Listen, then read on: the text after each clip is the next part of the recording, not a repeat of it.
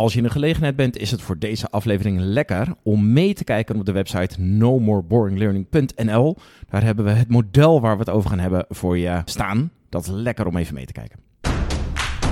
Welkom bij een nieuwe boost voor jouw missie No More Boring Learning. Dit is de Brain Bakery Podcast. JP, stel Ja. je nou toch eens voor dat jij ineens hypersportief wordt. Ja, ja, Ik weet dat het misschien een kleine stretch is, Kleine. maar we hebben een groeimindset, dus jij wordt heel sportief. zeker. En jij gaat op tennis, dat Ja. heb jij besloten. Ik ben tennisleraar. Dan wil ik het even hebben over de twee grootste fouten die ik zou kunnen maken als tennisleerkracht. Door jou bepaalde tegenstanders aan te bieden, waardoor jij onmiddellijk zou kappen met jouw voornemen op tennis. Oké. De eerste is, stel je voor, jij komt op de tennisbaan gelopen. En ik zeg, nou, jouw eerste rondje tennis, we gaan gelijk even een wedstrijdje doen, mag tegen Venus of Serena Williams. Oh, wauw. Wat gebeurt er dan? oh, tering. Dan weet ik enorm onder indruk. Dan gaan we tennissen. Zij slaan Je vraagt me- om een handtekening. Ja, precies dat. Ja. Eh, zij slaan me totaal van de baan. Dus ik heb waarschijnlijk blauwe plekken van alle ballen tegen Ja. mijn lijf aan. En ik denk na 20 minuten lig ik hijgend op, op de baan. En zelfs al zouden zij hun level van waarmee ze spelen Ja. verlagen, dan zou Ja. jij denken, ja, je doet het nu niet echt. Nee. Je bedriegt me, what the fuck. Dus jij zou zeggen, bedankt, ik ga Ja. naar huis. Tess, ik wil een nieuwe hobby. Ja, ja.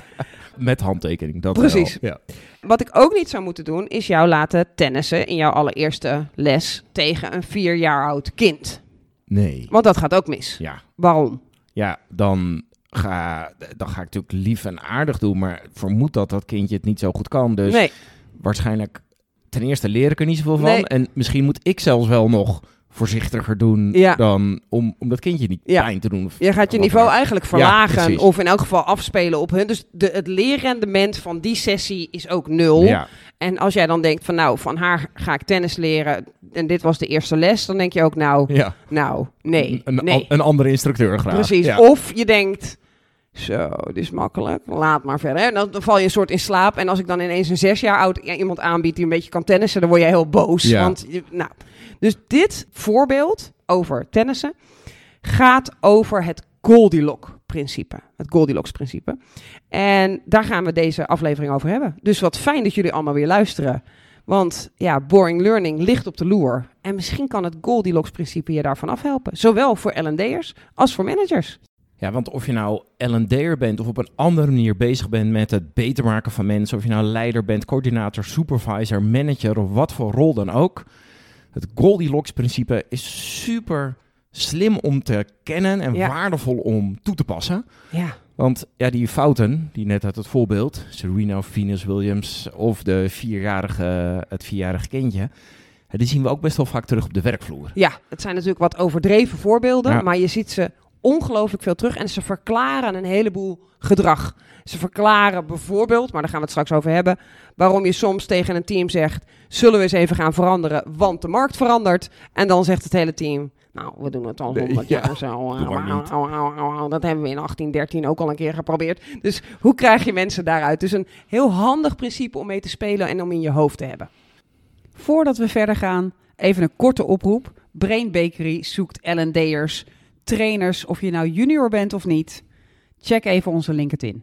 Terug naar jou, Jan-Peter. Laten we eens even beginnen, want ik kan me voorstellen dat de vraag van de luisteraar is, waar komt die naam vandaan? Ja. Goldilocks. Goldilocks, het komt van een sprookje. Het goudhaartje sprookje. Je mag dat gelijk trouwens weer vergeten hoor. Maar misschien voor de mensen die het niet meer weten. Goudhaartje was een meisje. Ze had hele blonde haartjes. Ja. En zij, eh, zij ging naar een familie van beren. Mama beer, papa beer. Heel hetero gezin. eh, en een kindbeer. En zij ging daar van alles uitproberen terwijl zij niet thuis waren. Dus er stonden bordjes pap. En één pap was te warm, één pap was te koud. En één pap was precies goed. En ze gingen in hun bedjes liggen. En het ene bedje was te hard, het andere was te zacht. En het andere was precies goed. Dus het is gebaseerd op het, principe van niet te veel, niet te weinig, niet te serena, niet te kleuter, maar precies goed. Waar zit die Goldilocks-zone?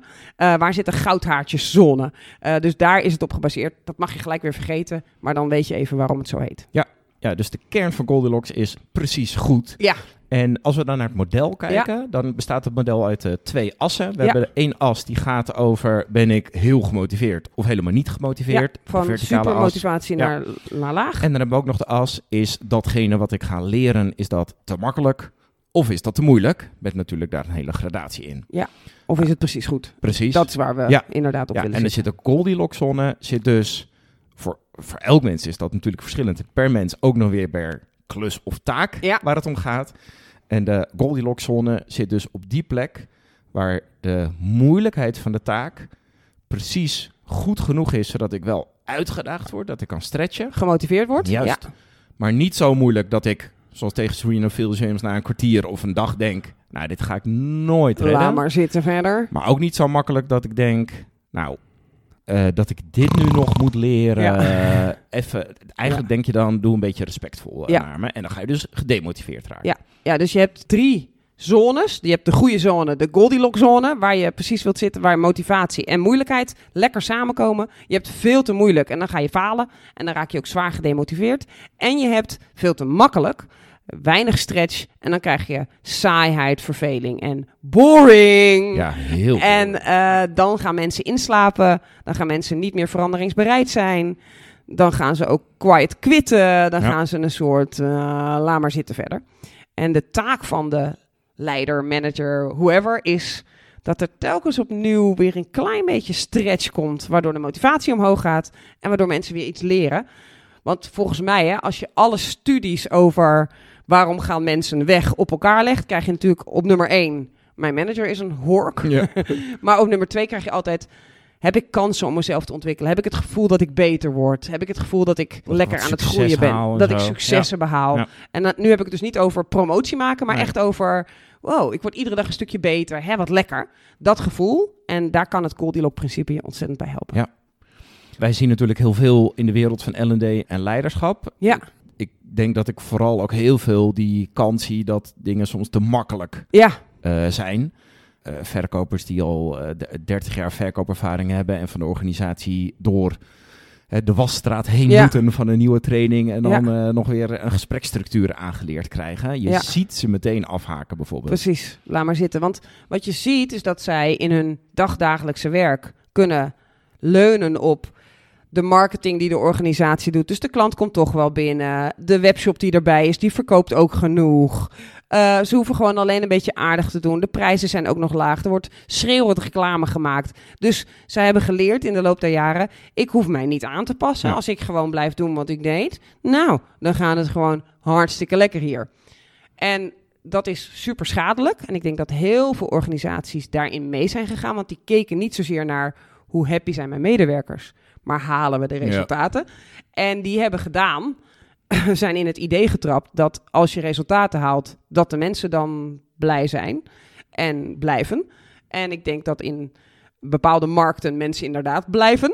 Eh, maar ik denk ook dat soms mensen blijven waarvan je zou wensen dat ze, niet bleven. blijven, Juist. Wat je in ieder geval als probleem hebt, is zodra er een verandering komt in je markt, zodra ineens de straat opgebroken is, dus mensen komen niet meer, of je hebt ineens minder marketingbudget, of er komt een grote concurrent aan, of ineens is het product wat je hebt minder aantrekkelijk geworden omdat er iets veel nieuwers is, dan hebben die mensen geen antwoord. Die Nee. mensen zitten onderin eh, het Goldilocks-model, in de demotivatie, en die denken, ik hoef niet te veranderen. Dat hoefde ik de afgelopen tien jaar ook niet. Hou je bek met je verandering. Ja, ja, dus dit is, dit is echt iets, zou ik maar zeggen, dat je ongoing eh, Ja. moet gebruiken. Want je wilt mensen natuurlijk eh, niet alleen maar dat ze blijven groeien en, en leren, maar je wilt dat ze ook in leerstand blijven eigenlijk. Hè? Maar niet omdat we de leerstand zo graag willen, maar omdat we graag willen dat ze gemotiveerd blijven. Ja. En dat werken, dan moet je acht uur per dag heen, of soms negen uur per dag, en met files erbij tien uur per dag. Dat, dat, dat je dan niet, hè, wat lekker. En dat als je thuis komt, dat je je kindje of je partner in de ogen kijkt en zegt, zo, Ja. Hey, lekker. Ah, ik ben nu thuis. In plaats van, nou, dat hebben we ook weer De, afgeleid. de week is alweer doorheen. Morgen weer. Ja. Nog zes kerstbomen. ja, dan mag ik stoppen. Ja, dus inderdaad, eh, heel goed wat je zegt.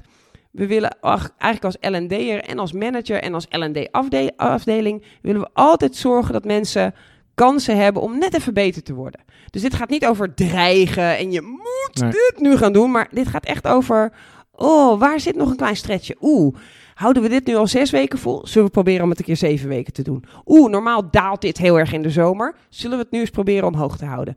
Kleine eh, onderdelen waardoor mensen voortdurend denken: Oh, wat kan ik nog meer? Wat kan ik beter?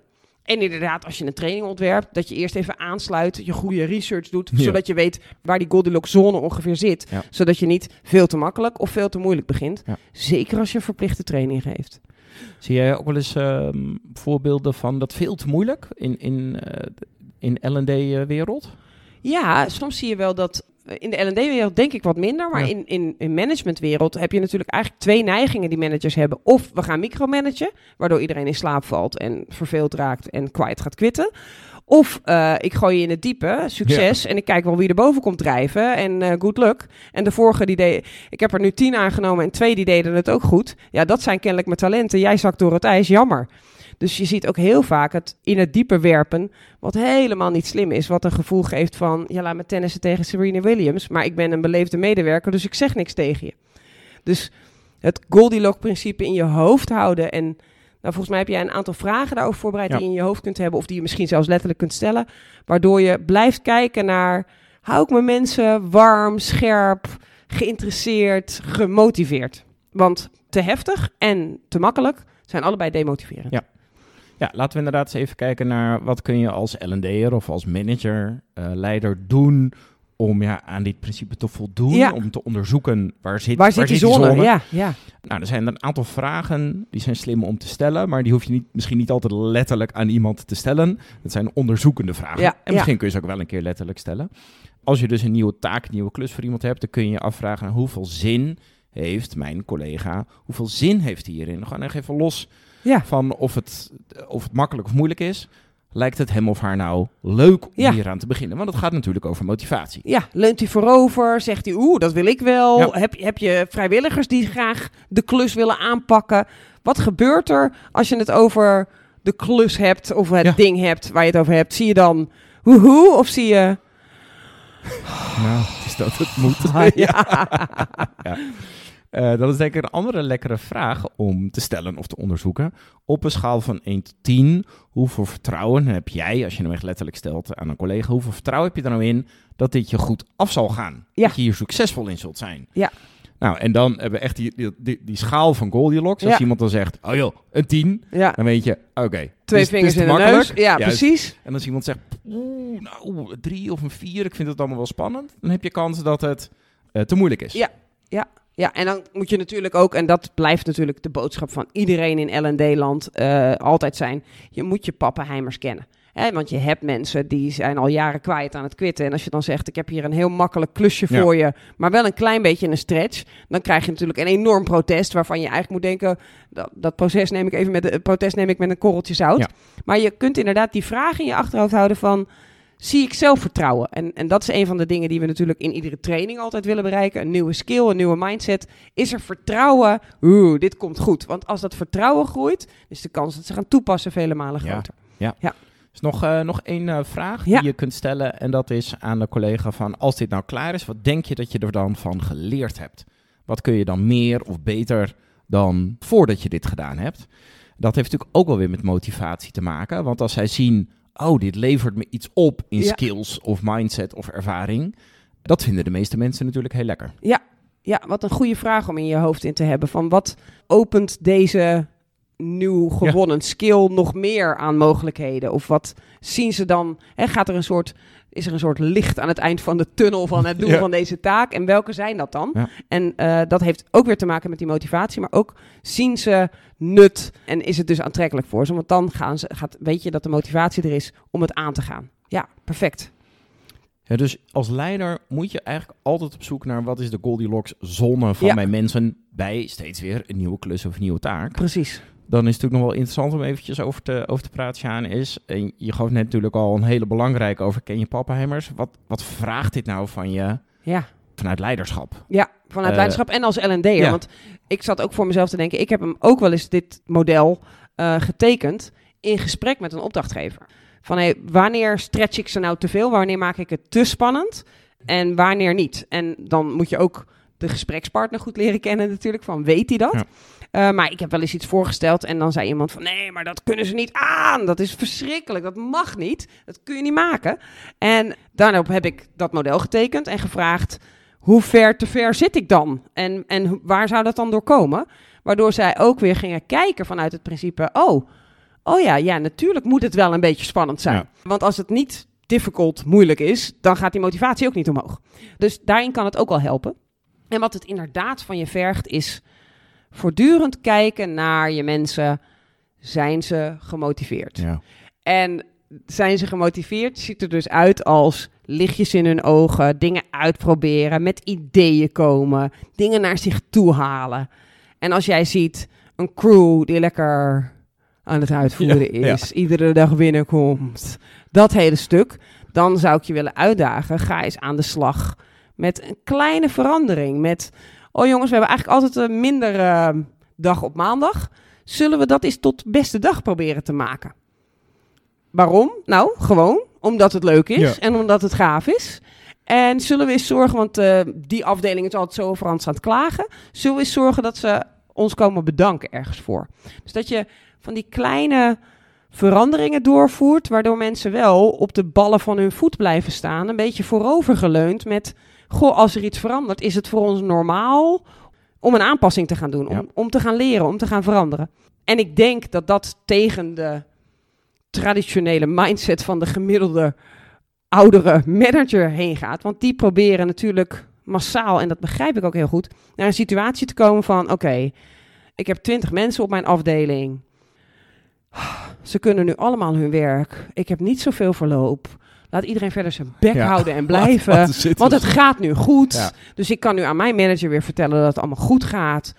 Laten we vooral niks veranderen, want het loopt nu. Dus een soort die, omdat ze zo hard moeten werken om iedereen eh, up to speed te krijgen. En als je ze dan zo hebt, een soort handen af. Het, Laat het ja. vooral niet iets moeilijks maken, want dan, oh my god. En, en ik denk dat je tegen die ne- neiging zou moeten vechten, want dan ga je namelijk zelf ook in die boredom Ja. zitten. Dan ga je ook in die verveling zitten. Ook al voelt het niet zo, want het voelt veilig. En dat is denk ik het gevaar altijd van boring. Boring voelt wel, nou ik weet wat ik, waar ik aan toe ben. Ja, er gebeurt niks spannends. Heel lekker. Ja. En ik denk dat dat voor één of twee weken zeker mag. Maar dat je daarna weer op zoek moet naar hoe kan ik die, dat gem- die gemakzucht. Want met boredom komt demotivatie. Dat Ja. weten we uit het model. Hoe kan ik daar tegen strijden? Ja, ik, ik ehm, vind ook dat zo'n teken aan de wand dat hier op aansluit als je mensen vraagt hoe gaat het op je werk. En dat ze dan in alles uitstralen en ook zeggen, gewoon Ja. zo'n gangetje. Ja. En dan niet, hè, nou even lekker zo'n gangetje. Ja. Van, dat is de Ja, situatie ja, na een hectische periode. Maar echt, ja, nou, niet zoveel bijzonders. Gewoon. Ja. En dan weet je, als iemand dan weet je, oké, hier, hier Als zit de hele- boredom, op, komt om de hoeken ja, kijken. en dus de demotivatie. Ja. En dus de weinig veranderingsbereidheid. En als we één ding weten is, ja, alles blijft wel flink veranderen. Ja. Dus hou je team daar klaar voor en laat ze niet in slaap vallen. En ook in trainingen denk ik dat je dit model als trainer van leiders heel goed kunt inzetten van waar zitten ze? En, hoe, en ook de vaardigheid, want ik denk dat dat echt een vaardigheid is. Hoe kun je zorgen dat ze in die goede zone terechtkomen? Hoe kun je op speelse, leuke wijze mensen blijven uitdagen zonder ik heb een nieuwe taak voor je, je krijgt een andere taakomschrijving, Ja. je moet solliciteren voor je nieuwe baan. Want dat is natuurlijk die hele heftige ingreep die we vaak wel zien om mensen flexibel en, en, en alert te, te houden. schudden, op de boel op Ja. te schudden, ja, precies. Oh, dat zeg je goed. Maar, maar we willen juist ze voortdurend een klein beetje opschudden. En die skill, die vinden heel veel managers heel erg lastig. Hoe kunnen we dit kleine dingetje nog even beter doen? Oeh, ik wil, ik verklaar nu dat we over dit KPI'tje, ook al halen we hem, dat we toch ontevreden zijn. Ja, want, want een risico hieraan, dat is inderdaad, als, als je dit niet zo goed kunt, is dat je medewerkers of je deelnemers voelen, moet het nou weer beter? Ja. We doen het, moet ik, het houdt nooit op Ja. zo. Ja, want dan zitten ze eigenlijk aan die de- ge- gedemotiveerde Ja. kant, die failure kant van het is ook nooit goed. Ja. Dus volgens mij zit de skill in het creëren van kleine games, kleine dingen die je beter kunt doen, maar ook vieren hoe goed het gaat. Ja. Want beide zijn denk ik waar. En ik denk dat heel veel leiders ofwel ik ben heel ontevreden gaan doen. Of het gaat echt niet goed. En dan denken, nou, nu schud ik de boel op. Terwijl het volgens mij veel leuker is. Net als volgens mij thuis in je relatie. Bij je relatie wil je toch ook niet eh, om de boel even op te schudden zeggen... Nou, ik heb hier een koffer. Die ga ik inpakken. Want eh, ik weet het niet meer. Weet je, dan heb je gelijk paniek en ellende. Ja. Je wilt toch denken van... Schat, ik heb hier een kaartspel gekocht. en er zitten bepaalde kaarten in. En ehm, ja, daar zitten wat leuke ideeën in van wat wij nog meer zouden kunnen doen in de bedroom. Ja. Of uitjes. Of zullen we een kalender maken? Of zullen we afspreken dat we iedere twee maanden in ieder geval één citytrip doen? Om te zorgen dat je in de motivatie, in de verliefdheid, in de gavigheid blijft. En volgens mij is die skill er een, als, Ja. le- als leiders daar goed in worden en L&D'ers ook. Oh, Ja, goede vergelijking met die, eh, met die relatie inderdaad. Ja. En dat betekent, net als ik pak de vergelijking van de relatie door, dat je dus als leider of als L&D'er, ehm, dit gaat toch ook wel weer over liefde voor de mensen Ja. voor wie je verantwoordelijk Ja. bent.